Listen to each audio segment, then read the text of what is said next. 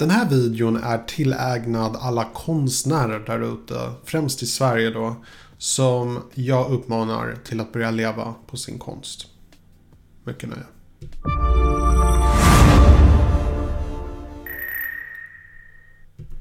Hej och välkomna till min kanal. Mitt namn är Tommy och jag hjälper dig att bemästra social media idag. Så dagens video är mer ägnad till konstnärer men innan jag går in på det ämnet så vill jag bara uppmana folk till att gå in på mina spellistor där jag har gjort intressanta spellistor som täcker olika ämnen till exempel YouTube-tips, motivation för digital entreprenörskap, eller hur man bemästrar Instagram till exempel. Så en massa sådana spellistor håller jag på och utvecklar och jag föreslår att du tar en titt på det efter att du har sett färdigt den här videon. Okej, okay, så idag ska vi prata om vad konstnärer kan göra för att sälja på nätet. Och jag vet att ordet sälja, det är inte riktigt det ord som konstnärer är intresserade av.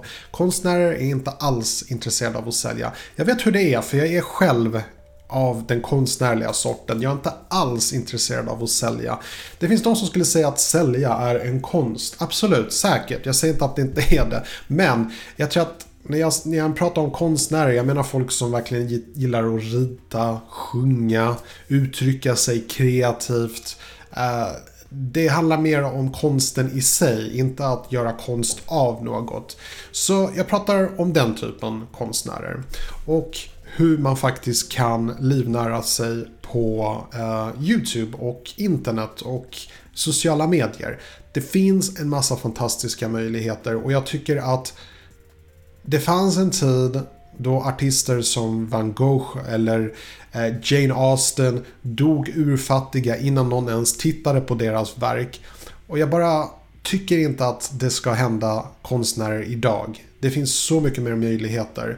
Jag är inte så mycket för att rita och sånt. Jag gillar att uttrycka mig muntligt. Jag gillar att skapa videon. Jag gillar att göra kortfilmer till exempel.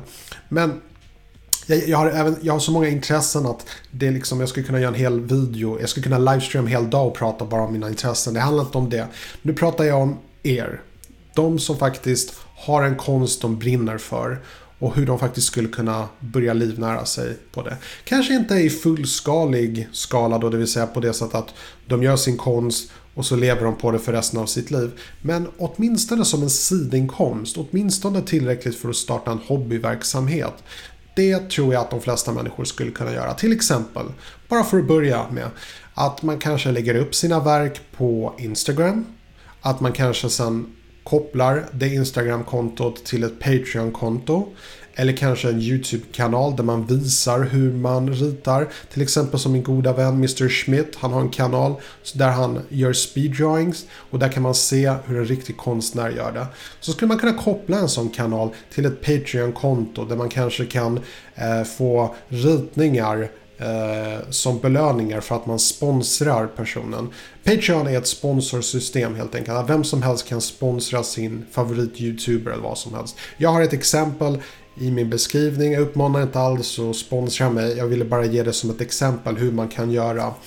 Um, och det här är bara the tip of the iceberg om man säger så. Du kan som sagt ha en YouTube-kanal där du visar eh, behind the scenes. Du kan få folk att sponsra dig och du kan även göra så att du designar egna konstverk som du säljer helt gratis på nätet och tjänar på det. Och hur du gör det, det är helt enkelt genom att tänka utanför lådan. Van Gogh, han målade på tavlor och han använde en duk där han målade. Det är för att det var det som fanns tillgängligt. Hade det funnits en digitalpenna på den tiden så hade han banne mig ritat saker där. Han hade designat t-shirts och sålt det på nätet. Det är jag helt övertygad om.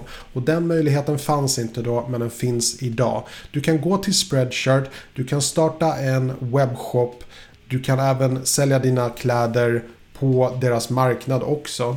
Men framförallt, du kan göra det här på en global skala. Du kan sälja överallt i världen. Det är helt fantastiskt. Sen finns det en massa olika andra plattformar som Etsy där du faktiskt kan sälja färdiga fysiska stycken. Du kanske kan sälja grafisk design, logotyper.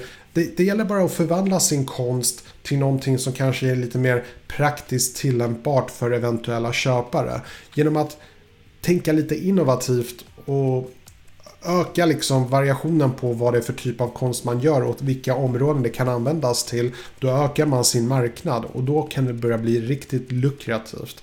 Och jag pratar inte om att du vet, bli en konstnär som slår igenom och tjänar miljoner eller någonting sånt. Men bara för att kunna livnära sig på det. Bara för att kunna kanske jobba mindre av sitt vanliga yrke så tycker jag definitivt att man ska verkligen utnyttja det här.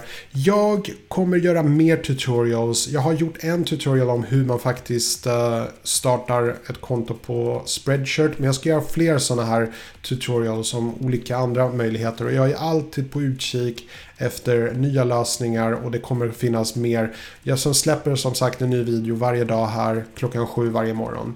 Så det är bara mitt tips för idag. Tänk utanför lådan. Du är konstnär för guds skull. Avsnittet är slut men upplevelsen är inte över. Klicka dig vidare till ett av många rekommenderade avsnitt. Men om du har någonting viktigare för dig just nu, glöm inte att prenumerera så att du inte missar framtida avsnitt som kommer varje morgon klockan 07.00. Detta är din uppväckning. Börja jobba.